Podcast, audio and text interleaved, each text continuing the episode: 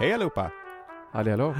Jag har hört att eh, den som väntar på något gott, mm, den kan få vänta jävligt länge.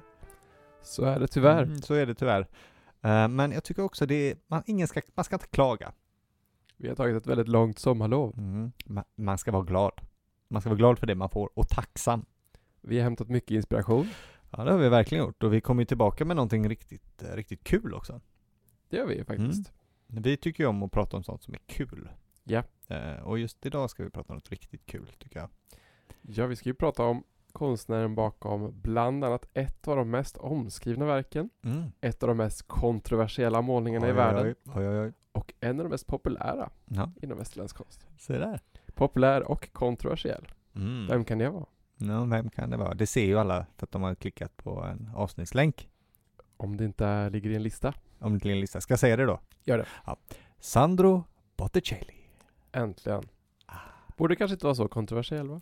Eh, nej, det kan man tycka. De flesta associerar kanske mycket av hans måleri till kakburkar och eh, olivoljeflaskor man köper i olika souvenirbutiker i Italien. Jättebra vykort. Vykort. Mm. Ehm, han det är känns ju... inte så kontroversiellt va? Nej, det kan man säga. Det är verkligen eh, hemma hos mormor liksom. Det är inga, ingen avföring Nej, nej, om man jämför med annat vi pratar om. Nej. eller annan konst. Eller, nej precis, just det. Ingen avföring alls. Faktiskt.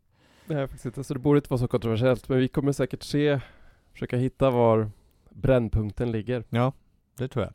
Det tror jag. Det är ju alltid bra. Mm. Men alltså då, Sandro Botticelli. Um, finns ju en brittisk eh, konstkritiker. Hur uttalar man Walt, Walter Pater? Walter Pater? Ja du, det undrar jag Hur, också. Walter Pater vill jag säga, men ja, eh, Walter Pater. Walter Pater hade jag sagt. Men fan vet. Det är konstigt, det är konstigt engelskt namn. Ja, det är ett väldigt konstigt Men jag säger Walter Pater för jag tycker Ja. det känns väldigt bra. Men eh, den brittiska konstkritikern Walter Pater i alla fall. Han har kallat Botticellis liv nästintill färglöst i en tid då så många andra konstnärers öden var ju så fulla av äventyr. Mm. Det, det låter nästan lite hårt. Ja, många legender om konstnärer som man ju hittar till exempel i Giorgio Vasaris berömda renässanskonstnärs liv Mm. Har ju med tiden visat sig vara rykten och lite Ja. påhittade historier. Just det. Men han menar då att det, det gäller inte när det kommer till Botticelli. Det finns inga legender att bestrida. Nej, det, han har ju inte helt fel. Kapitlet om Botticelli i Vasari är ju ett ganska straightforward. Ja, och ganska kort också. Ja, Utan enligt Walter Pater i alla fall hände det bara två saker i Botticellis liv. okej, spännande. Och de sakerna var inte ens särskilt unika för honom. Utan något som han delade med ganska många artister vid samma tid. Ja. Och så är det ju, vissa konstnärer lever ju inte liv av storslagna händelser, äventyr och bragder. Nej, det är sant. Men kanske lever de ett inre liv av tankar och känslor och funderingar. Ja, man får hoppas. Kanske till och med är bättre att leva Ja, det faktiskt. Det behöver, alla behöver inte vara Caravaggio. Nej, eller hur? Kanske till och med bli lite mer produktivt om man, om man tar det lite lugnt. Eventuellt. Mm. Men om, om vi ska titta på det vi vet i alla fall då. Um, enligt Vasari var han ju son till en florentinsk borgare Mm. och garvare. Just det, det är ett yrke som har försvunnit tyvärr, men... eh, Ja. Eller och kanske tyvärr, det luktar ju fruktansvärt tydligen, så att det kanske är tur. Om det inte är en uh, gammalt namn på en ståuppkomiker. ah, ah, Den var dålig, ja. Men, Den kommer sparas. ja. Men han fick i alla fall en ganska ordentlig uppfostran. Mm. Han undervisades i både det ena och det andra. Och ska, han ska ha varit väldigt lättlärd. Ja, men lite bångstyre va? Ja, enligt Vasari var han ändå missbelåten. Ja. Han fann ingen glädje i skolan, Nej. inte i att läsa, inte i att skriva och inte i att räkna. Så pappan satte honom då i lära hos sin gudfar som var guldsmed och hette Botticello. Mm. Och ehm, han hjälpte honom sedan att fortsätta sina måleristudier hos en eh, vän. En person som hette Fra Filippo del Carmine. Eller ja, han heter ju så hos Vasari, men vi känner ju kanske mer till honom som Filippo Lippi. Just det. Del Carmine är ju alltså från klostret då, Santa Maria del Carmine, där han var verksam då. Men en väldigt stor konstnär vid den här tiden. Ja, hans verk kan man också se på olika gallerier här och var faktiskt. Louvren till exempel. Louvren. Ett ja. av alla gallerier. Men, går man på ett större konstmuseum så eh, kommer man nog stöta på en Lippi. Han, eh, han målar ju faktiskt väldigt bra. Ja, alltså man ser ju tydligt var Botticelli har fått sin stil ifrån när man kollar på honom. Han är inte riktigt lika tekniskt bra bara. Liksom, om man tittar på en Lippi och, eller går in så kan man tänka så här, åh kolla där borta, det där ser ut som en lite halvtaskig Botticelli. Då är det Ja. en, en Lippi. Man har ju inte lika liksom ikoniska motiv heller liksom. Nej. Så det är väl, oftast är ju det liksom de man minns är de som har gjort så här konstnärs alltså konstverk som inte påminner om någonting annat liksom. Just det, just det. Men så kan det ju vara. Ja. Men, eh, och här finns det två grejer som jag tycker är lite kul i alla fall. Å ena sidan så, um, så är det inte så ovanligt att, eh, man, att konstnärer vid den här tiden också var guldsmeder. Nej, hantverkare som hantverkare va? Ja men precis. Eller att man då börjar hos en guldsmed och sen då fortsätter med måleri. Eh, Andrea Verrocchio ju, som Leonardo da Mm. Vinci studerade för och senare även Botticelli jobbade för var ju också guldsmed och eh, Lorenzo Ghiberti som var lärare åt Donatello var också guldsmed. Så konstnärer kunde ju hålla på med allting från måleri och skulptur till guldsmide och Ja. arkitektur. Ja, de är ju närbesläktade. Då mer än idag kanske. Ja, ja, men en konstnär var ju en hantverkare.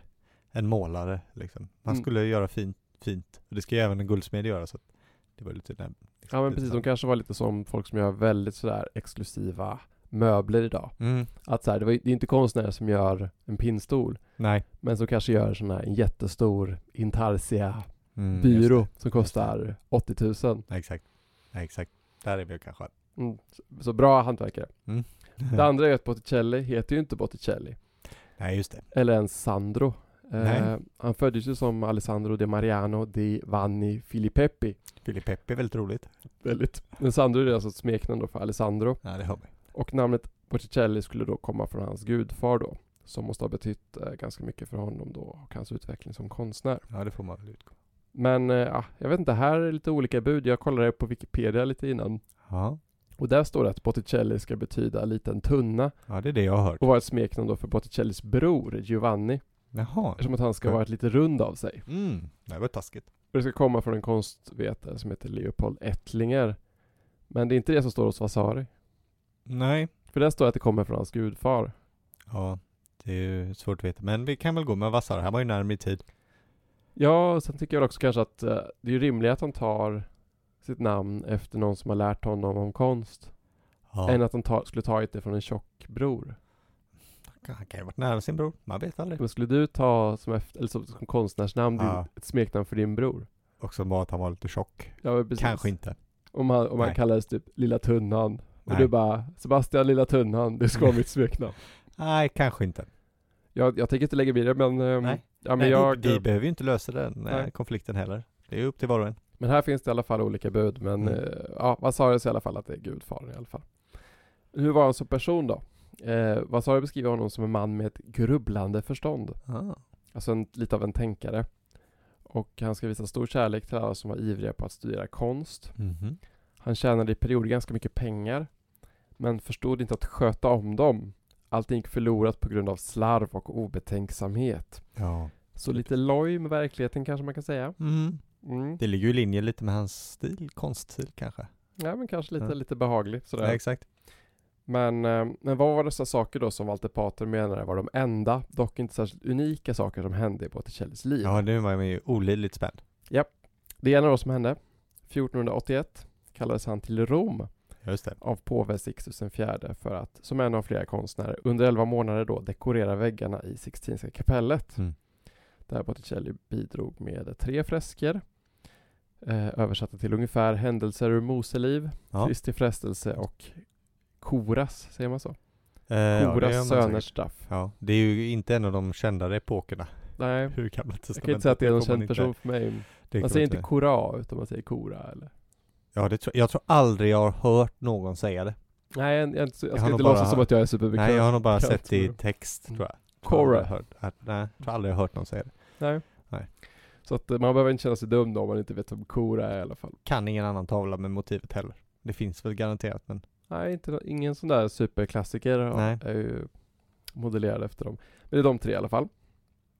Och Botticelli ska ju bli, blivit ganska berömd för sin insats där och påven gav honom en stor summa pengar som han snabbt slarvade bort under Mm. vistelsen i Rom där han med Vasaris formulering levde alldeles på måfå som hans vana var. ja, det gör man ju lätt.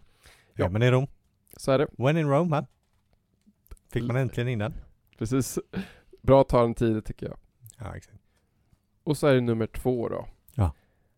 Botticelli började med tiden följa en person som hette Savonarola, Mm. munken från Ferrara. Just det. vars inflytande då till slut ledde till att Botticelli också ska slutat måla enligt Vasari. Vi ska prata mer om det snart. Just det.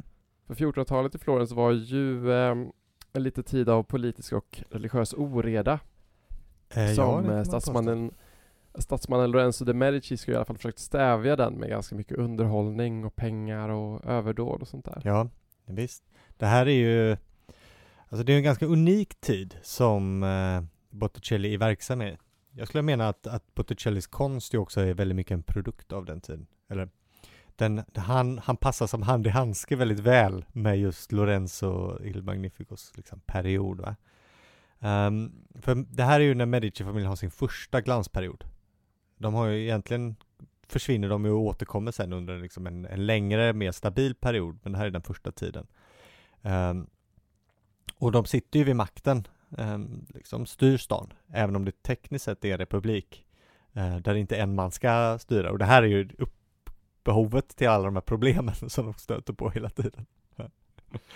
Det är känsligt. Ja, och det kommer ju sluta med en hel del mord och grejer. Men under just, i alla fall 1470 och 80-talet, när Botticelli gör sin, sitt namn väldigt mycket, gör sig stor, då är det ju ändå hyfsat lugnt. Lorenzo sitter och bestämmer och det får ju, liksom, konsten får ju blomma. Det får man verkligen säga. Ja, han var ju mecenat åt alla de stora får Ja. man säga. Precis. Men familjen Medici är ju väldigt spännande. Det är ju nästan som Gudfadern sen med, med att folk blir huggna i Mm. kyrkan och Just det. liksom och ja, massa spännande familjefejder och sånt där ju. Mhm. Men eh, Lorenzo, han blir ju i alla fall måltavla då för den här munken då, Savonarola. Ja, som från predikstolen i San Marco i Florens då predikade mot sin samtids moraliska förfall. Mot då, alltså korruption inom den katolska kyrkan och då mot dessa välbärgade dekadenta aristokrater. Ja. Precis som Lorenzo. Exakt. Bakgrunden här ligger också, en väldigt stor del av det Lorenzo vill göra och Medi- Medici-perioden. De var också väldigt intresserade av filosofi. Ja. Eh, och eh, startade ju en platonsk akademi till och med i, eh, i Florens. Och de ville ju skapa någon sorts, den här platonska akademin liksom, en form av synkretism får man ju verkligen säga. Och det här uppskattades ju verkligen inte av alla kanske framförallt inte benediktmunkarna som Savonarola tillhörde. Det var ju också orsak till en hel del, liksom, att man ser att det är något riktigt farligt på gång här. Ja. Men eh, Botticelli, han börjar tycka det här verkar spännande så han börjar ju besöka Savonarolas gudstjänster Mm. efter att han återvänt till Florens då 1485, alltså efter sin tid i Rom och sådär. Och eh, dessa gudstjänster ska ju också rikta Botticellis blick mer mot eh, religiösa teman som han ju sen ska utforska mer under slutet av sitt liv och sådär. Och efter att mer än tio år hade gått, efter att Lorenzo de Medici också har dött och familjen Medici förvisats från Florens och palatsen har plundrats, så följer Botticelli med Savonarolas följeslagare från att från hus till hus och samla in då konst, kläder, böcker, spel, tärningar, speglar, musikinstrument och prydnader. Mm. Allt som då Savonarola menar är omoraliska. För att de då 1497 då bränner de på torget Piazza della Signoria. Och eh, det var ju en väldigt stor händelse. Botticelli ska ju även ha kastat flera av sina egna verk i elden. Just det. Och det sägs ju att eh, de här mest berömda målningarna, alltså Primavera och Venus födelse, att de överlevde ju för att de råkade förvaras på Medicis landställe, Villa di Castello utanför Florens. Hade de varit i stan hade de kanske rykt dem också. Just det. Ja, det är risk. Vilket hade varit väldigt sorgligt. Mm. Så det här är då den andra, andra stora händelsen liksom. Eh, två år tidigare innan den här bränningen då, eller man ska säga, branden, så hade ju eh, Savonarola kallats till Rom då för att försvara sina predikningar inför påven. Så att det, det blev ju lite av en inomkyrklig konflikt här. Ja, det kan man eh, lugnt påstå. Men han hade ju vägrat att infinna sig. Mm. Och eh, så bara ett år efter den här då eh, bålet, eller Fallo delle Vanita, eller fåfängligheternas då bål som det brukar kallas på svenska, så blir ju han, eh, Savonarola, exkommunicerad, arresterad, torterad, hängd och bränd på bål för kätteri. Mm. Samt också för att ha förolämpat florentinarna Ja, och det... påven en gång för mycket. ja, visst. akta sig för. Och lite ironiskt då så bränns han ju på samma plats då där flera av Botticellis verk också då Just det. uppe. Just det. Det är sant. Så att eh, enligt vad det sägs då så ska Botticelli ha blivit förtvivlad efter sin läromästares död och med tiden slutat att måla. Födelsen är ju från eh, 1501 och det finns, men det finns ju verk daterat ända till 1505 Mm. för att leva resten av sitt liv i fattigdom utan inkomster, utan mat för dagen, enbart då tack vare familjen Medicis eh, givmildhet efter att de då har återkommit till Florens. Vi ska ju inte prata så mycket om Medici, men Nej. de kommer ju tillbaka sen i alla fall. Nej, det löser sig för deras skull i alla fall. Ja. Så detta är ju stora drag i historien om eh, Sandro Botticelli. Mm. Däremot behöver man kanske höja ett visst varningens finger. Även om Walter Pater säger att eh, det inte finns några legender och inga påhittarhistorier. Mm, ja. Jag läste i alla fall en artikel av någon som heter Richard Stapleford som handlar om Vasari och Botticelli. Och det handlar om att eh, Vasaris levnadsberättelser är baserade på anteckningar som kallas eh, Anonimo Magliabecchiano Mhm. och som Stapleford menar är utförda av en, det är lite omtvistat, men utförda av en benediktinermunk som heter Vincenzo Borghini som i sin tur är baserade på Libro di Antonio Billi. Och eh, han har då jämfört de här olika anteckningarna och, eh, och sen vad Vasari då skriver till slut i boken. Och där tycker han sig se då att eh, Vasari gör ganska mycket med materialet om Botticelli. Att han vill liksom föra fram en viss typ av historia ändå. Ja. Även om ehm, det låter väldigt faktabaserat liksom. Så en fråga som Stapleford då frågar sig är varför Vasari i sitt kapitel till exempel inte ta- tar med två ganska intressanta anekdoter om Botticelli som finns i den här Anonimo-texten då. Okej. I den första så um, första anekdoten uppmuntras Botticelli att gifta sig. Ja. Och då berättar. Botticelli att han en gång drömde att han gifte sig. Och det gjorde honom så upprörd att han var tvungen att gå ut i Florens och dra runt på gatorna som en galning Jaha. för att inte somna. För då hade han ju återgått till Ja, att just det. drömma igen. Han tyckte det var så olidligt att drömma att, om att vara gift. Ja. Ganska intressant. Ja, visst. Eftersom Botticelli heller aldrig gifte sig. Nej, det gjorde han ju inte. Så att den har ju någon form av koherens i alla fall Ja. mot hans liv. Den andra historien är att en eh, person brast i argument mot Botticelli. Ja. Och eh, han ska då önskat sig att han hade hundra tungor. För att kunna liksom gå i svar mot honom. Ja, sätt emot. Då ska Botticelli svarat att eh, du ber om fler tungor när du redan har två gånger så många som du behöver. Du borde istället be om lite mer hjärna eftersom du inte har någon. Det är bra. Så ett exempel på att Botticelli ska varit ganska snabbtänkt och dräpande. Ja, visst.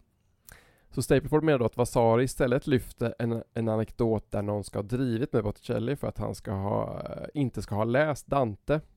Nej, Vi kan ju, vilket han ju hade. det har han ju absolut gjort. Och han har ju målat ett jättekänt porträtt av Dante och han skrev till och med en kommentar till Ja. eh, Inferno åtminstone. Ja, det finns ju väldigt många skisser som aldrig riktigt blev färdigställda Ja, på så, Dantes verk. ja, så Vasari lyfte liksom en anekdot där han skulle då ha blivit dissad liksom. Mm. Och ehm, när då Botticelli ändå verkar ha varit ganska lärd.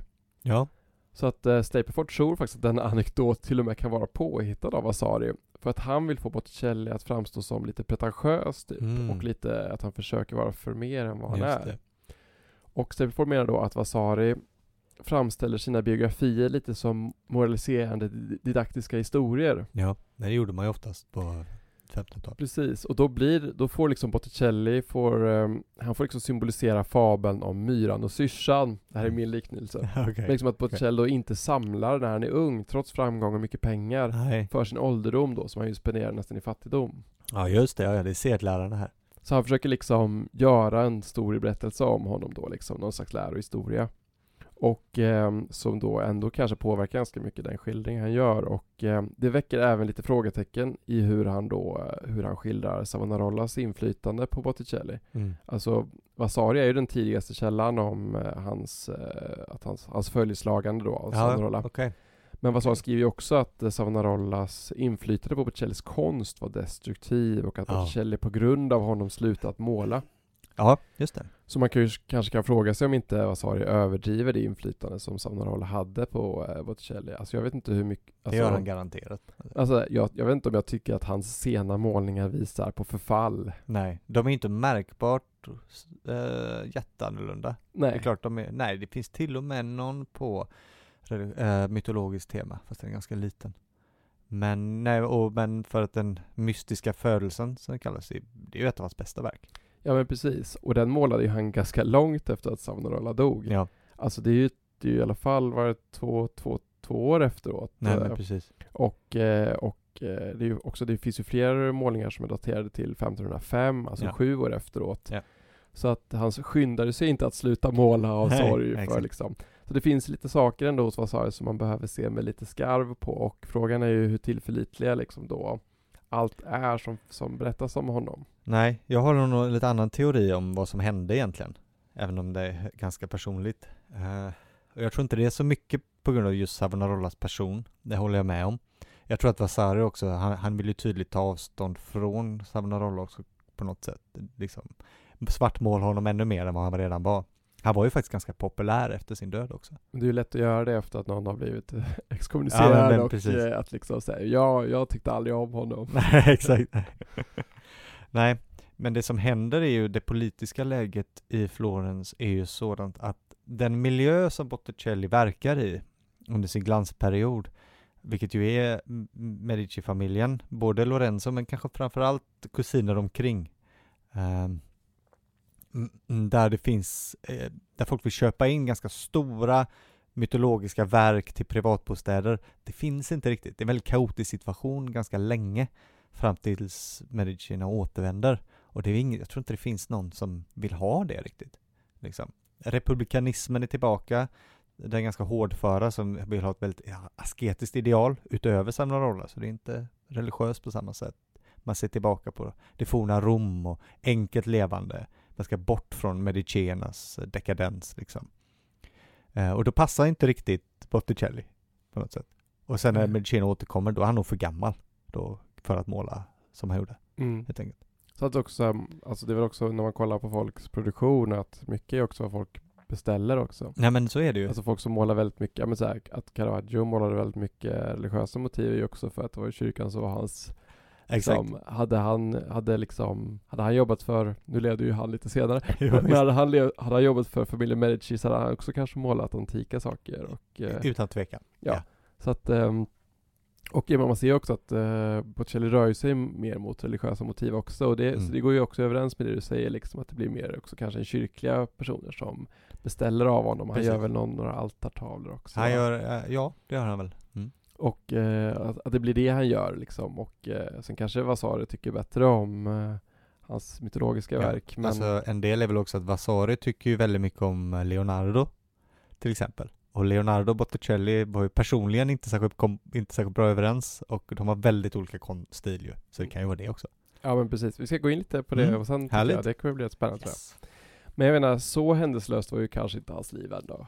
Nej, det beror väl på vad man jämför med men eh, Ja, alltså jag kan tycka, det är ju så att om man liksom ska prata om Botticelli så blir det ju väldigt, och hans biografi, det blir ju, det övergår ju lätt att istället handla om kanske lite mer utstickande personligheter runt, runt om honom, som Lorenzo eller Savonarola. Så det blir ju lätt att hans biografi liksom blir just att han befinner sig på en viss plats i en, i en viss persons närhet eller flera stycken då. Ja. Snarare att, det, att han gjorde helt konstiga saker, eller levde på ett konstigt sätt Nej. som funkar i en biopic eller något sånt där, förutom att måla.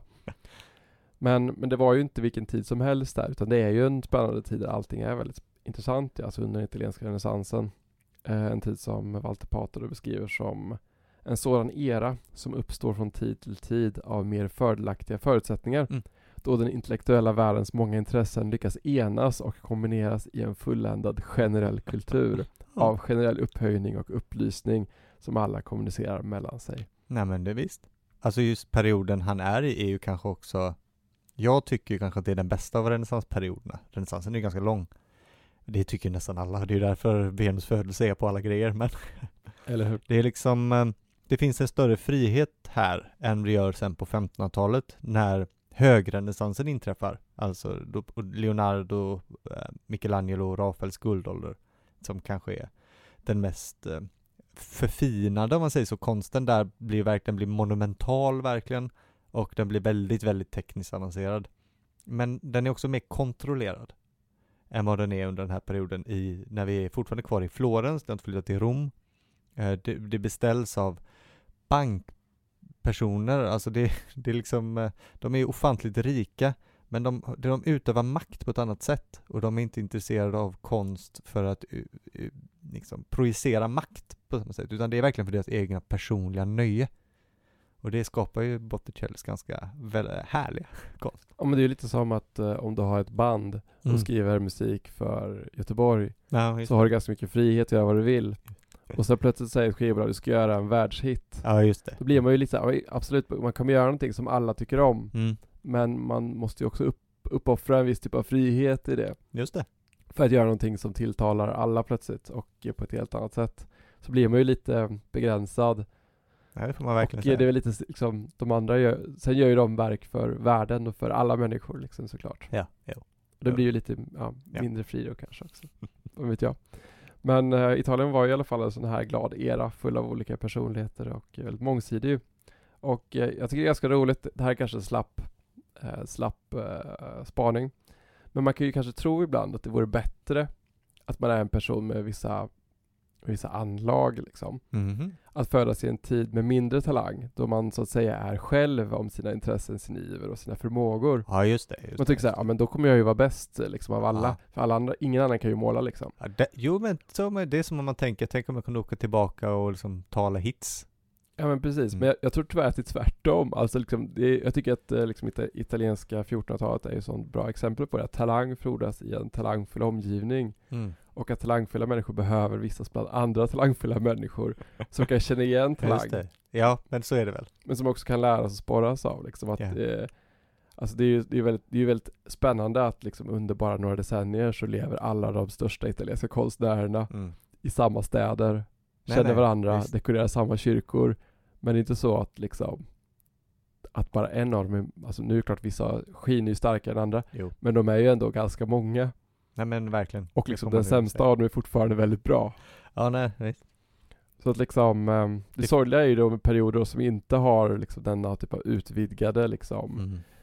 känsla av eh, ja, men kultur och nytänkande och teknik liksom och att eh, utan alltså i sådana här lite nedgångna tider så tenderar ju konsten istället att vara liksom repressiv mot de som är talangfulla också liksom att de kanske liksom det är mer konkurrens och liksom inte heller samma Nej, visst. Det blir hårdare klimat ju färre platser det finns att, ja men precis att slåss om. ja men precis Mm. och att det är lätt ja så det är, det är väldigt intressant tid på det sättet liksom också man kan lära sig mycket av att det är svårt att vara själv också i Nej, visst. Mm. Och sen är det, man ska ju inte underskatta till vilken utsträckning den så att säga världsliga makten är intresserad av konst och kultur.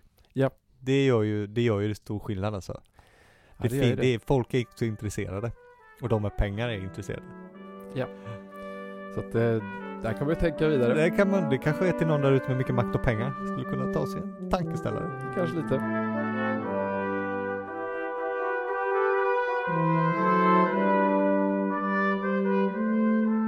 Och nu blir det lite reklam. som jag väntat Ja, det vet jag att du har väntat länge. För nu ska du få höra något riktigt spännande. Det här är ju inte bara en podd. Nej. Det är inte bara en eh, livsstil. Nej. Det är inte bara ett eh, nöje. Nej. Det är också ett förlag. Ja. Delfine förlag heter det. Och eh, upphovsmännen till det, de sitter här och tja- tjatar. Så är det. Så är Mm. det.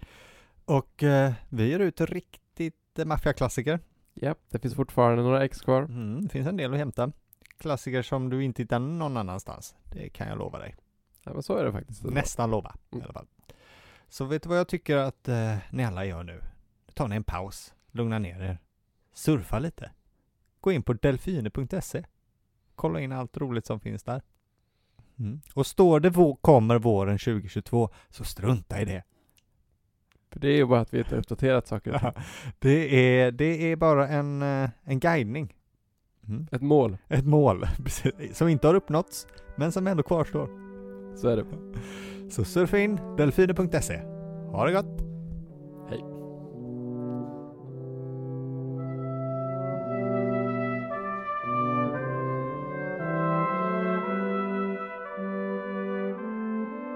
Ja, men Botticelli hade kanske inte så händelserikt yttre liv, men däremot kan man ju säga att han hade ett rikt inre liv. Något som kanske är viktigt som konstnär åtminstone. Han verkar ju ha varit en grubblare och lättlärd och existentiellt sökande får man ju säga i alla fall av dem, det vi har fått berättat. Just det. Men så var han ju också en av de stora målarna av sin tid. Han är faktiskt den enda samtida som omnämns i Leonardos eh, Trattati della Pittura, alltså hans Treatise on Painting. Mm. En samling texter från hans anteckningsböcker om måleri, så han tar ändå upp Botticelli där, även Ja. om de kanske inte håller med varandra alltid. Nej, han eh, tyckte ju att Botticelli var ganska kass. Ja, det är ju hårda bud. Ja. Det är han dock inte ensam om. Oh, spännande, det här vill jag höra mer om snart. Men det är ganska intressant tycker jag att hans, ehm, hans rykte var ju inte så stort fram till 1800-talet ungefär. Alltså där de brittiska prerafaeliterna lyfte upp honom. Nej, just det. Och eh, det är lite också roligt att tala om också Leonardo att eh, han är ju yngre än Botticelli. Mm. Men eh, medan Leonardo gick över till det här som du nämnde förut, högrenässansstilen Ja. och eh, tillsammans med flera av de nya generationer, Rafael och sådär, så rörde sig ju Botticelli nästan bakåt i tiden. Så hans, hans, Ja. hans sena måleri beskrivs ju ibland som arkaisk eller gotisk liksom, som att Mm. han, han blev nästan retro Ja. renässans, att, det liksom blev det. slags, att han gick bakåt i tiden istället för att utveckla sig framåt. Ja. Så det kanske också påverkar liksom hans um, omedelbara inflytande just då, Ja, att, säkert. att barocken sen följer ju efter eh, Leonardo. Ja. Den följer ju inte efter Botticelli och eh, Nej, det påverkar verkligen. också hans eftermäle just i alla fall i de närmsta århundradet i alla fall. Ja, verkligen. Han beskrivs ehm, ofta som en poetisk målare Ja, men det får man väl säga. med charm och känsla, Mhm. känslighet för linjer och färg. His morality is all sympathy, som Walter Pater skriver. Ja, men det får man väl erkänna. Det är väldigt trevligt. Ja, det finns ju inget våldsamt i Botticelli. Nej, det, det Nej, kan man inte säga det är liksom. väldigt, Den är inte eh, så barock. Nej, nej det är inte. Väldigt behaglig. Verkligen. Och mycket av Botticellis verk, alltså förutom hans sena mer religiösa period, skildrar ju antika mytologiska scener. Ja. Som Venus födelse och Pallas och Kentauren och Mars och Venus och sådär. Just liksom. det. Och Primavera. Och Primavera. Det kanske, det är ju något, det måste, det är ju två av de absolut kändaste konstverken någonsin ju. Eh, Venus födelse, nog, eh, jag tror, jag, jag lyssnade på en podd om det här, där någon amerikansk professor med något namn eh, sa att det är den tredje mest igenkända tavlan i världen. Efter Eh, Mona Lisa. Mona Lisa nummer ett, Skriket nummer två och Venus födelse nummer tre. Mm. Det låter lätt och rimligt, tycker jag. Ja, det låter väl högst rimligt. Och jag tror att Primavera hamnar någonstans ganska nära där. Även om kanske, ja, den är inte, den är inte så omedelbar kanske, det händer ju mycket mer på den. Men. Ja, precis. mm. Men någonting man ofta hör, som även eh, samma professor eh, pratar om med just det här mytologiska motiven, var ju att det var väldigt nyskapande. Vilket det visserligen var, men inte riktigt så va. Eh, alltså att måla mytolo- eh, antika mytologiska figurer Mm. eh, överhuvudtaget. Att, att sätta upp det eh, i en privatbostad på det sättet. Att det var någonting nytt, lite chockerande. Ja. Någonting nytt för renässansen. För Man tänker ju, lika- de upptäckte ju massa groteskmålningar Mm. och sånt där va? Ja, men det gjorde de kallas grotesk. Det är ett väldigt roligt namn att eh, Det är väldigt konstigt att eh, tapeter inspirerade från Pompeji eh, ska vara groteska. Ja, Vi kommer ju från en grotta då, alltså ja just det. grott, grottlika blir det väl? Eller? Ja, Men det är konstigt att vi kallar det groteskt. ja, en del av det är ju ganska mycket knasiga grimaser, Ja, så det är väl därifrån det kommer, ant, antar jag, jag vet Det är väldigt konstigt att säga att, det, att man målar grotesk, grotesker. Ja. Ja, det är väldigt konstigt faktiskt. Eh, Men det är alltså, och att eh, det man hör då på i konstböcker eller kurser och sådär, att det här kännetecknar renässansens utveckling då. Det är framförallt det här nya antik, man kopplar till antiken och den antika mytologin. Bullshit. Det är, alltså det är inte sant. Oh, Eh, går det mot professorerna här. konstkritiker tror ofta det, därför att de inte läser. Okej? mm. Eh, medeltiden älskade antiken och antikens Rom. Men börjar inte, börjar inte liksom historien i västerlandet under renässansen? Medeltiden finns ju... Nej, nej precis, man skulle kunna tro Lev, vadå, levde det folk Levde då? folk då? Det var ju Precis. bara barbarer som gick runt och söp Ja. och slogs och... Ja men exakt. Det är också det att alla tror liksom att medeltiden var 800-tal, men det hände en del däremellan sen. Ja. Man tänker ju också, också, när man tänker på, de kanske tänker att alla, alla liksom All kultur och Mm. all intelligens under medeltiden var ju bara präster och Ja. de, de gillade ju bara Jesus Kristus. Ja precis, ja. Det gjorde de ju också, visserligen. Ehm, det gjorde ju visserligen renässansen Ja eller också i och för sig. Men, uh, men, det. men alltså den antika mytologin, och då är det framförallt två verk, Eniden och Metamorfoser. De är, de är liksom hushållsläsning, inte riktigt, hovläsning i alla fall, under hela medeltiden. Aeneas är görkänd och Metamorfoserna försvinner aldrig. Den läser folk. Det är därför de finns kvar också, för att de, Ja men för exakt. att de kopierades under medeltiden. Ja men en del saker återupptäcks ju under renässansen och det är sant, vissa verk och sådär. Men till metamorfoser, som ju är under all historia huvudkällan till antik mytologi, den är konstant levande. Och även i konst. För det ges ju ut nya böcker, de har målningar till sig, man målar, det finns sådana här eh, samlingar som man har i slott och sånt där med kända människor och då har man med antika personer, som man kanske har Aeneas till exempel. Ofta klädd som en riddare då. Troja förekommer ofta i medeltida böcker och berättelser, som Chaucer-avsnittet när vi pratar om det till exempel. Ja, just det. Lyssna nu alla professorer. Exakt. Eh, Det, det som var nytt va, det som kommer här, om jag får nu sticka ut hakan nu, då kommer någon att slå ner mig jag har inte tittat på det själv. Det är ju att man gestaltar kristna dygder med hedniska motiv. Ja. Okej. Så Venus är inte längre lust. Om du har med Venus under medeltiden till exempel så är det kanske lust du menar. Det, det är liksom för att, det är ändå något främmande. Man kan måla det, man kan ha det, men man vill ändå vara sådär, det är ändå inte riktigt det vi gillar va? Ja, hon är frestelse bara. Ja men precis. Man tolkar det negativt. Det som händer Eh, nu med eh, den här neoplatonismen eh, väldigt mycket är ju att man börjar tolka det positivt. Så det är kärlek istället. Även äktenskaplig kärlek. Eh, ehm, det här, den här neoplatonismen, vi pratade om det lite i vårt avsnitt om Platon, Plato och kärleken. Det var ju en man då som hette Marsilio Ficino. Han som uppfann begreppet platonsk kärlek. Han översatte Platon till latin han jobbade för Lorenzo och, och skötte hans eh, platonska akademi. Han ville ju liksom hitta, han ville hitta en, eh, föra ihop Platon och kristendomen och den antika kulturen. Han ville liksom inte ha den här kampen emellan utan han ville ta in allt det och få in det. Det här gick så där kanske sen till slut. Det, det ballade väl ur lite med Pico della Mirandola om de känner till honom. Ja då. Eh, och där, fick, där satt liksom kyrkan emot honom. Nu är det för mycket. Ja, för han är inte så kyrkligt intresserad ju. Eh, nej, nej, han började blanda in mycket hermetik, ja det gjorde Ficino också, men det blev lite mer new age, kanske. Men det är det va, att när du ser Venus födelse, det du ser är ju en positiv avspegling av kärlek. Primavera är ju antagligen gjord till ett bröllop, tror man. Mm. Eh, och då är det ju menat att visa kärleken i äktenskapet, i ett sakrament, i kyr- kyrkan, så det, det finns liksom ingen motsättning, och det är nytt.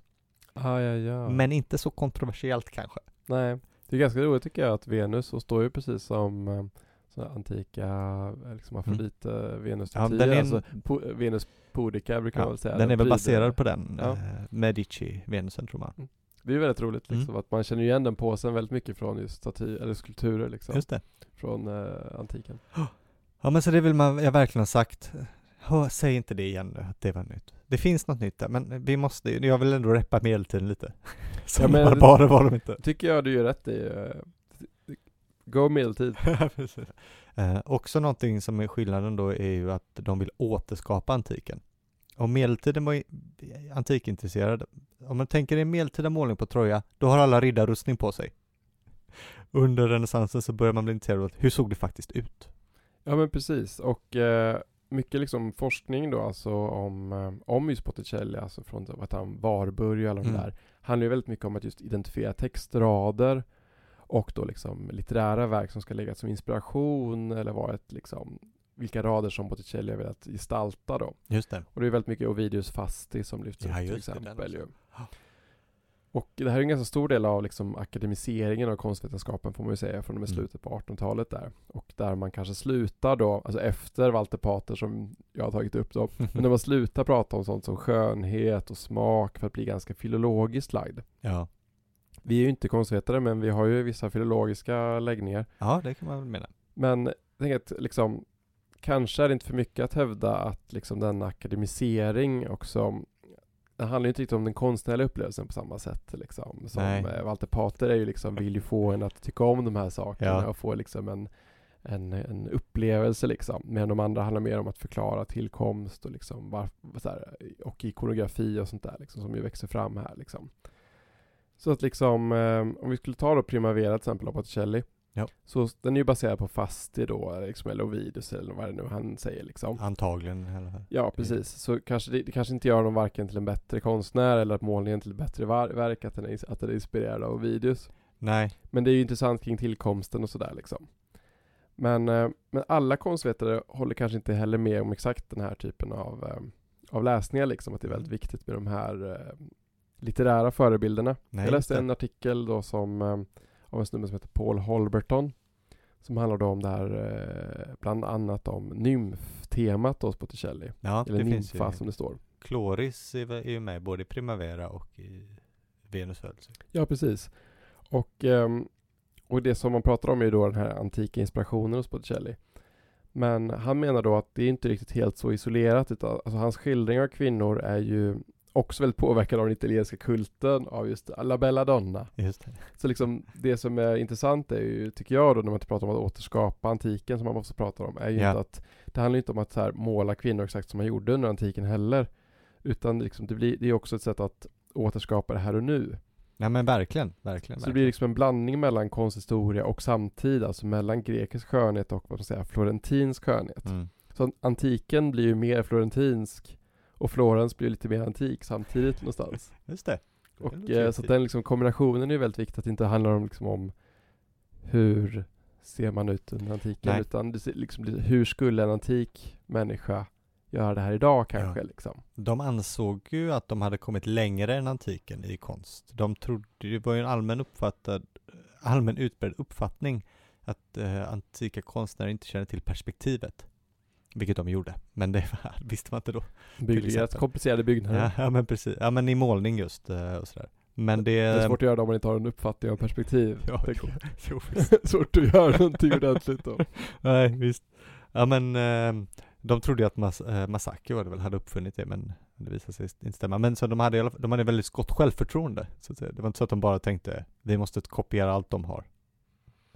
Jag tycker, jag tycker att man kan ha med sig det när man, när man då tänker på den här diskussionen om eh, Simonetta till exempel. Mm, just det. Som man, vissa menar då ska vara ett modell då för ja, många av Botticellis vackra kvinnoansikten. Ja. Och eh, visst man kan ju märka att de, eh, att de påminner om varandra ibland. Liksom. ja, det gör de ju.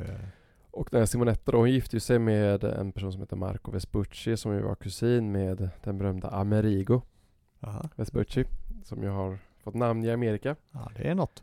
Eller hur? Och hade nära kopplingar till eh, familjen Medici. Och ehm, under någon form av, de hade någon form av skämtturnering 1475 och då ska då ehm, Giuliano eh, de Medici ha burit på en, någon form av banderoll med en målning av Simonetta då. Mm. Som Pallas Athena. Okej. Hon var ju känd för sin skönhet. Ja. Men liksom, och den här, den här banderollen, den här målningen hade ju Botticelli gjort då.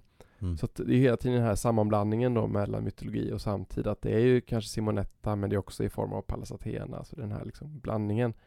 Ehm, den här målningen finns inte kvar heller. Nej. Men, ehm, men så finns det ju massa andra målningar av adelsdamer som man då föreställer skulle vara, skulle vara Simonetta. Ja, det finns väl ett par som har titeln Simonetta. Är det? Men det är väl lite oklart om det är hon. Alltså, det Men står- de är lika varandra. Ja. Men, Men det är lite vaga bevis ibland liksom Ja. i alla fall. Och man kan också lyfta då med Venus födelse då som även den sägs ha henne som motiv. Men den målades ju tio år efter hennes eh, alldeles för, för tidiga död. ja, det är lite osannolikt. Ja, det är många som tycker att det här är ganska dumt också. Alltså den, berömda Gombrich till exempel, han säger ju att det här är en romantisk myt. Ja. Men, Men, det är eh, inget fel på det i och för sig. men Men, den lever ju kvar idag liksom den föreställningen. Liksom, Ja. att, att hon är, liksom, är, är hennes face överallt. Alltså man får ju säga att Botticelli utvecklar ett ansikte. Och det har han ju inte från början heller. Den tidiga Botticelli har ju inte det, an- det ansiktet som vi alla tänker. Nej, precis. Och det, det, många ansikten är ganska konstiga om man tittar på hans Ja. tidiga tycker jag. Alltså man, man märker... Väldigt små och runda. Ja, jag, jag såg typ en, um, ja men jag såg en lista på alla hans konstverk i kronologisk ordning. Ja. Som jag gick igenom liksom. Och eh, det tar ett tag innan, innan man känner att, eh, Han, ah, han har hittat det. alltså de första facen är ganska konstiga tycker jag. Ja. Konstiga näsor och sånt där. Och, så att, eh, jag tycker det är rätt intressant det här med ansikten överlag. Alltså om man tänker på Mona Lisa till exempel. Det är ett porträtt av eh, Lisa Gerardini. Madonna Lisa och sådär. Ehm, men av någon anledning så påminner ju Mona Lisa om väldigt många av Leonardos ansikten. Han har ju särskilt ansikte. ja, ja, det har han Och också. eh, det är ju inte bara att hon ser ut sådär Nej. och att de andra råkar påminna om henne. Utan det är ju liksom, han har ett ansikte som han tycker om. Och jag tänker att det kanske finns det hos Botticelli också, liksom att Mm. det, det finns säkert inspiration från den här Simonetta då. Men, eh, men han har ju säkert då idealiserat det liksom för att försöka hitta, eller abstraherat det nästan liksom för att hitta det han tycker är det vackraste ansiktet. Snarare att han då skulle gått runt med hennes bild i sitt minne i Mm. liksom Nej, nej, så decennier. Det, det är ju inte, så är det ju inte, nej. Såklart. Det blir ju lite märkligt när man tänker på det, alltså så att man tänker så fotografiskt liksom. Ja. När det snarare liksom kanske är mycket mindre sentimentalt. Man, man, bland, man vill ju blanda ihop det kanske med Petarkas liksom, eh, lyrik om Laura, liksom att det måste finnas det här, Just det, det gör man Liksom. säkert. det här, det här människan man inte kunde glömma. Nej. Så måste det ju vara. Ja. men kanske är det bara att han, eh, ah, det där gillar jag. Ja. Så bara, mm, men om jag, om jag lägger till den här näsan, jag gillar det här håret, jag har kvar det här håret liksom. Att det är lite mer på det sättet kanske. Men en målning jag skulle vilja lyfta då är just den här våren. Eller Ja. primavera. Visst. Eh, Botticelli har ju eh, Lorenzo de Medici som mecenat. Så att när hans kusin den, sen skulle gifta sig då med Simonettas syster, eller brorsdotter eller vad det blir, syster eller brorsdotter, eh, Semiramide, 1482, så tror man då att Botticelli ska ha målat våren då som en slags bröllopsgåva till dem. Och även här är det vissa som menar att den porträtterar Simonetta då, eh, bland annat. Men eh, ja, de var ju släkt så det kanske inte är så konstigt om, Nej, om de påminner om varandra heller. Den här målningen innehåller flera ordvitsar också på familjen Medici. Ja, det är kul. Apelsinerna som ser ut som gyllene bollar ska påminna om Medicis vapen. Mm. Lagerträden kanske påminner om namnet Lorenzo. Ja, lite. Flammorna på kostymerna kanske man tänker på Merkurius, läkarnas gud, Mm. läkare, Medici. Ja. Han är ju också med ju. Ja, Mercurius. ja precis, ja exakt. Och Då kanske man tänker då på Ja, familjen Medici sådär. Så det finns massa olika teorier om vad det är för textrader och som, ska, vad- som eh, den här ska skildra som jag pratade om ju. Eh, om, ehm, om, det är, om det är Venus man ser i mitten, Ja. varför är hon inte naken och varför, det, varför är det inga duvor eller andra ting som man associerar med henne i målningen? Nej, det är en bra Sådär. fråga faktiskt. Och, ehm, men lite bakgrund är ganska bra tänker jag att ha till den här målningen. Men den viktiga frågan tycker jag kanske är varför vi tycker om den och vad den vill säga oss. Och där har då den här Paul Holberton en ganska fin tolkning som inte verkar ha fått något särskilt genomslag. Okej. Åtminstone skriver han det i en artikel skriven typ 20 år efter att han skrev Ah, sin första artikel. Lite bitter. Men därför tänkte jag ta den i försvar. För Ja, men det är snyggt. Hoppas han lyssnar. eller hur? Ehm, och eh, det är säkert många andra som har sagt det också. Men eh, han menar i alla fall att det är viktigt att se att Venus i mitten är inte huvudpersonen. Nej, nej, det... Och det är, många, det är säkert må- många som ser det liksom. Ja, Utan det är ju Flora till höger om henne som ja just det. Just det. Som Eh, förvandlas där. Och, precis. Mm. Och ehm, men så där, där får man inte göra fel, även om hon är i centrum liksom. Ja, och, nej, det är ju ändå våren som ja. är temat. Ja. Precis. Och ehm, vi är då i Venus och de här grasernas trädgård och sådär, alltså i någon form av kärlekens rum. Mm. Men eh, man då kan läsa att Venus är där för att skapa scenen, alltså hon övervakar det som sker. För om man också tittar på alla ansikten i målningen så är ju alla ganska idealiserade och lite anonyma. Ja. Någon form av anonym skönhet. Alltså Venus tittar ju ja, lite, lite anonym skö- skönhet tycker jag. Och eh, Venus tittar rakt fram. Men hon liksom hon tittar ju på dig som betraktare men har en lite loj och lite Mm. ointresserad blick kan jag Visst. tycka. Mm. Eller hur? Jo då. Jo då. Eh, Kärleksgudinnan tittar liksom inte på dig med kärlek i blicken. nej. Men, men det gör ju Flora. Ja. Ah. Det roliga är att liksom, hon tittar också rakt fram. Det är bara hon Ja. som tittar rakt fram. ja, hon men, tittar verkligen rakt fram. men hon gör det också med en form av intresse. Mm. Och eh, om man vill ha kronologin så tavlan rör sig ju från höger till vänster. Alltså motsatsen till vad man kanske tänker kronologiskt liksom. Ja, just det. Just det. Och, eh, Tittarens höger. Ja, precis. Och den skildrar ju då alltså den här vårvinden då, Zephyrus då, som kidnappar nymfen Kloris. Och hon blir med barn. Och Mm. föds då på nytt som Flora då. Som då sprider massa blommor runt sig och sådär. Det hör man ju nästan. Ja, eller hur?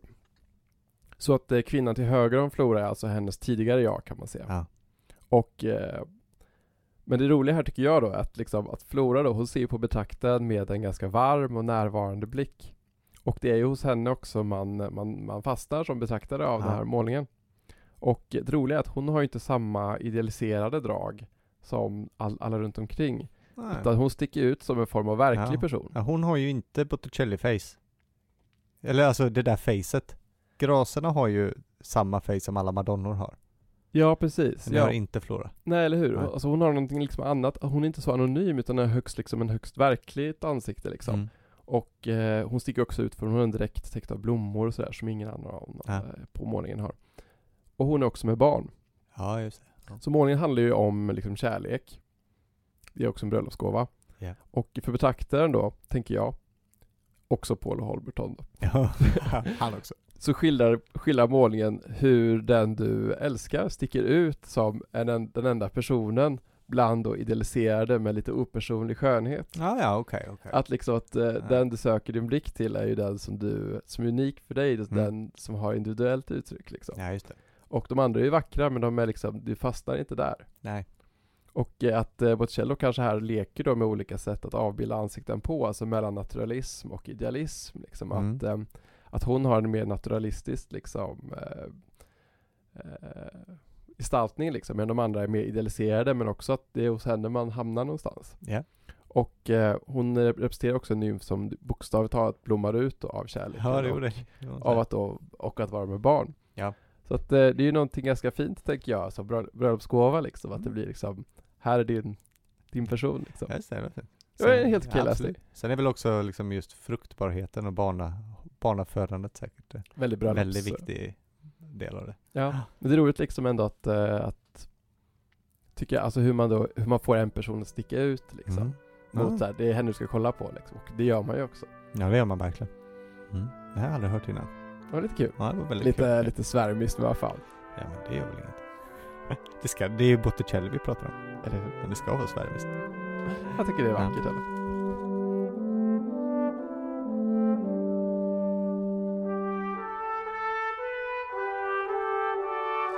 Um, jag ska prata om något lite tråkigt också med Botticelli.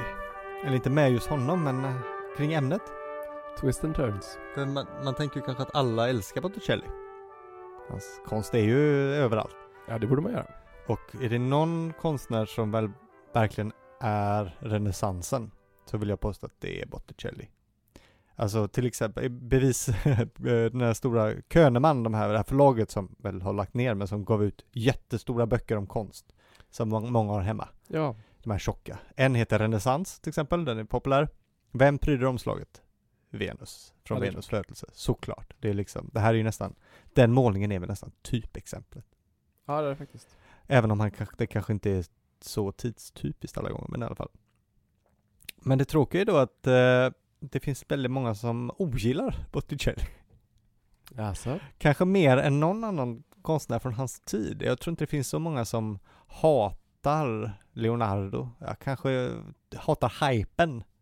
Ja, precis. Men det är inte riktigt samma sak. Nej, det är inte samma sak. Eller sådär med Michelangelo. Det finns väl de som tycker att det är tråkigt med renässanskonst kanske. Ja. Det finns det ju. Men det är något annat. Men just Botticelli har ju väckt väldigt starka känslor. Ja. Eh, Det, även under sin egen tid ju, som vi var inne på, Savonarola. Det är ju svårt att inte tolka en del av Savonarollas kritik mot den konstkultur som fanns i Florens, som nästan direkt riktad mot Botticelli. Ja, precis. Han är ju bra på att personifiera det i alla fall. Ja. Liksom. Mytologi och jag vet inte bra ord också- men lavish, vad heter det på svenska?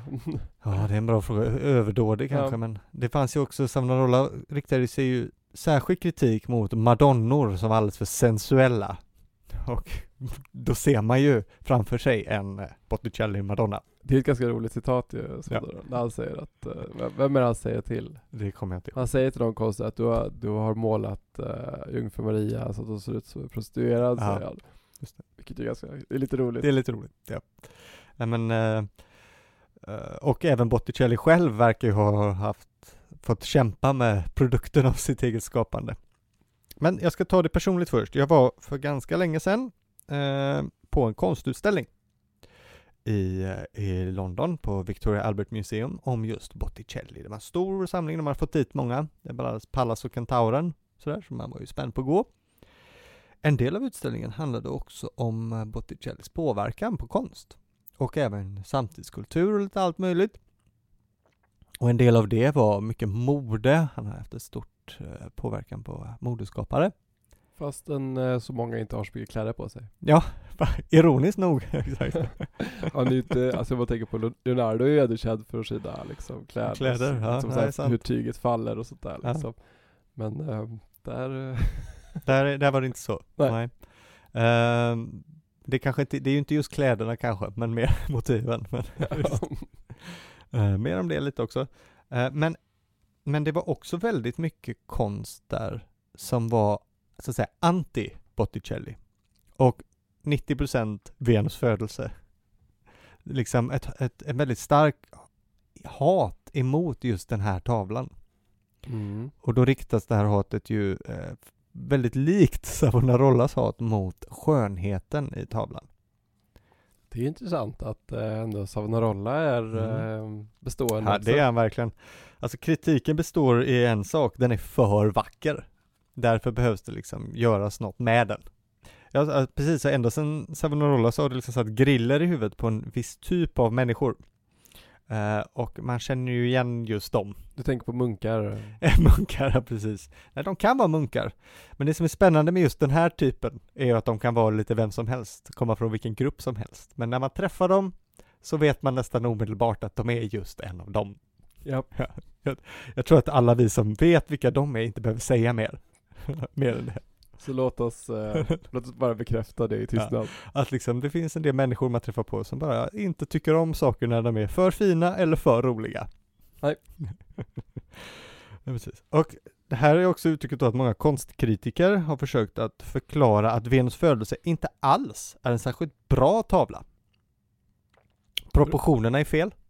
Så det är därför ingen, ingen gillar det? Nej, men de- precis. Okej, det är för att hon står lite k- konst, och står ju lite Hon har konstigt. Eh, Proportionerna är helt fel. Eh, Någon kallade hennes armar för gorillaarmar. De är alldeles för långa. Det är, hon- hennes skuldror viker sig på ett sätt som visserligen ansågs vackert på renässansen men som är helt konstlat och omöjligt för en människa med verklig at- anatomi att, att göra. Jag gillar särskilt, hon står ju i form av kontraposto ju liksom, Ja. den här, alltså, men hon står liksom så pass eh, snett Så liksom, alltså hon står liksom så att kontraposto som är på ena benet så att hon Mm, borde liksom tippa det. över Ja, det var just det, det är sant. Hon borde liksom tippa egentligen, vilket är ganska Hon roligt svävar ju nästan, Ja. får man tänka sig, på något sätt. Det Det- går ju, nej för hon har heller ingen tyngd, alltså hon står ju inte på det hon står på. Nej precis Hon är helt frikopplad på något sätt från, eh, från eh, snäckan. Det Du hör! Hon är ju en gud och kan väl göra vad hon vill Ja, precis. Det var det, eh, det, det sa också samma, samma professor, att det, att det kanske har att göra med o, övermänskliga. Men, men det var, jag, jag tar det, det jag väljer här. Det, det är inte ett jätte, vad ska man säga, estetiskt argument Nej, men det kommer Att säga fler. att hon har konstiga armar Det kommer fler, nej men det kommer fler här va? Eh, det finns inget djup i tavlan. Nej Det är väldigt dåligt utfört. Uh, framförallt är det, det är dåligt berättande. Narrativet är oklart, det rör sig inte i en rörelse från ena sidan bilden till en annan som Primavera gör, som då anses vara mycket bättre konstverk än Venus födelse. Bakgrunden är otroligt slarvig. Eh, det här tyckte ju även Leonardo att uh, Botticelli var slarvig på bakgrunder. Ja det är sant, de Ja. hade ju stor fejd om det Nej, exakt. Men uppenbarligen så, Leonardo la lite mer krut på sina bakgrunder Han gjorde ju det. Ehm, Det kommer med det. Men, eh, men det är slarvigt och visst, det är liksom, det är mest bakgrunden liksom ett hav som är lite sådär gjort och sen är det bara grönt liksom i bakgrunden, så att det är inte så liksom färdigmålat liksom. Alltså du, har- du har övertygat mig Vilket jävla pissverk Ja, precis. Eh, Ändå misslyckas ju alla försök att förminska tavlan. Det är det som är så roligt. Även Leonardos liksom det här otroliga hatet, men till något som är så omåttligt populärt. Den väcker ju väldigt, eh, eh, väldigt starka känslor.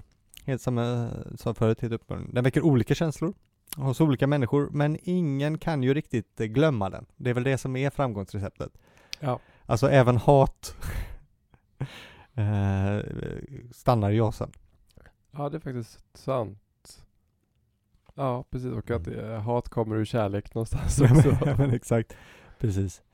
Ja, eh, men jag hoppas att, eh, att folk kanske tänker eh, en extra gång i alla fall. Men alltså, för det är liksom, det svåra är ju att göra en tavla som är så pass liksom, eller en målning som är så, att göra en målning som är så ikonisk liksom. Alltså som är, som bygger på allt det andra men inte ser ut som någonting Mm. annat och som är som man kommer ihåg direkt liksom. Och som är, Den är också det som är med just kar- siluetten av Venus som ju visserligen är så att säga omänsklig på något sätt är ju att den är, du kommer känna, du skulle kunna känna igen den frikopplad nog på en sekund bara som en siluett eller som en skugga eller någonting på någonting. Du ser direkt, det är Venus. Ja. Från Venus födelse.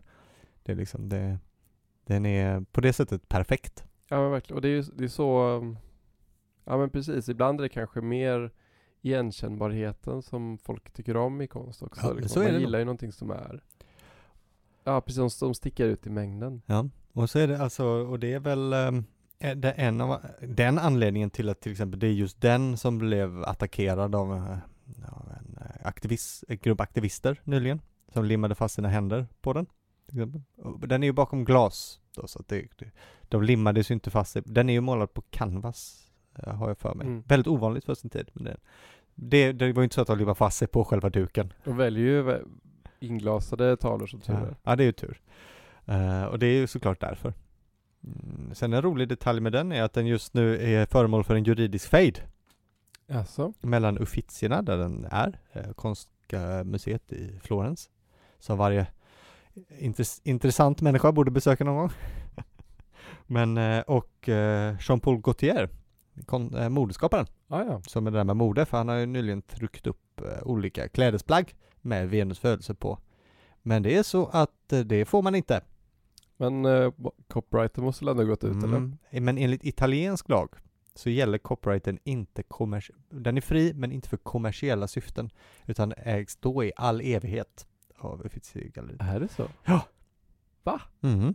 Men ja, det finns jättemycket t-shirtar med du vet, eh, skapelsen från uh, Ja, Sixtinska kapellet. Det har också lett till en del. Man får betala om man vill och- men, men de är ganska strikta med vem som får. Jag tror att ganska många av de t-shirtarna på gatorna i Rom kanske inte är eh, Ja, det är bootlegs. inte gjorda över ett helt uh, kurs. Gud vad spännande, jag visste inte att det var så. Att Ja. de, vadå, de äger det på livstid? Så de har dratt tillbaka den.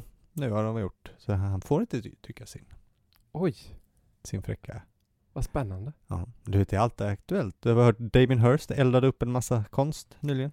Ja, just det. Ja. Ja. Och det var i och för sig med, hade med, det var inte riktigt så det, på samma sätt. Men det var ändå bål. Ja. Men det, det, alltså det är ju ändå rätt sjukt att, att det fortfarande är massa incidenter med samma verk. Det var, också, var det något år sedan också som de införde fotoförbud ju framför eh, Ja, Venus också. För det var för mycket influencers Ja. som gick dit och typ försökte sälja jeans genom att fota sig själv framför just Venus födelse. Ja. Att, det- så att det, är, det är fotoförbud för att Ja för att Det hela dagarna stod det influencers där. Man fattar ju det om man är där för att titta. Och det måste vara jätteirriterande såklart.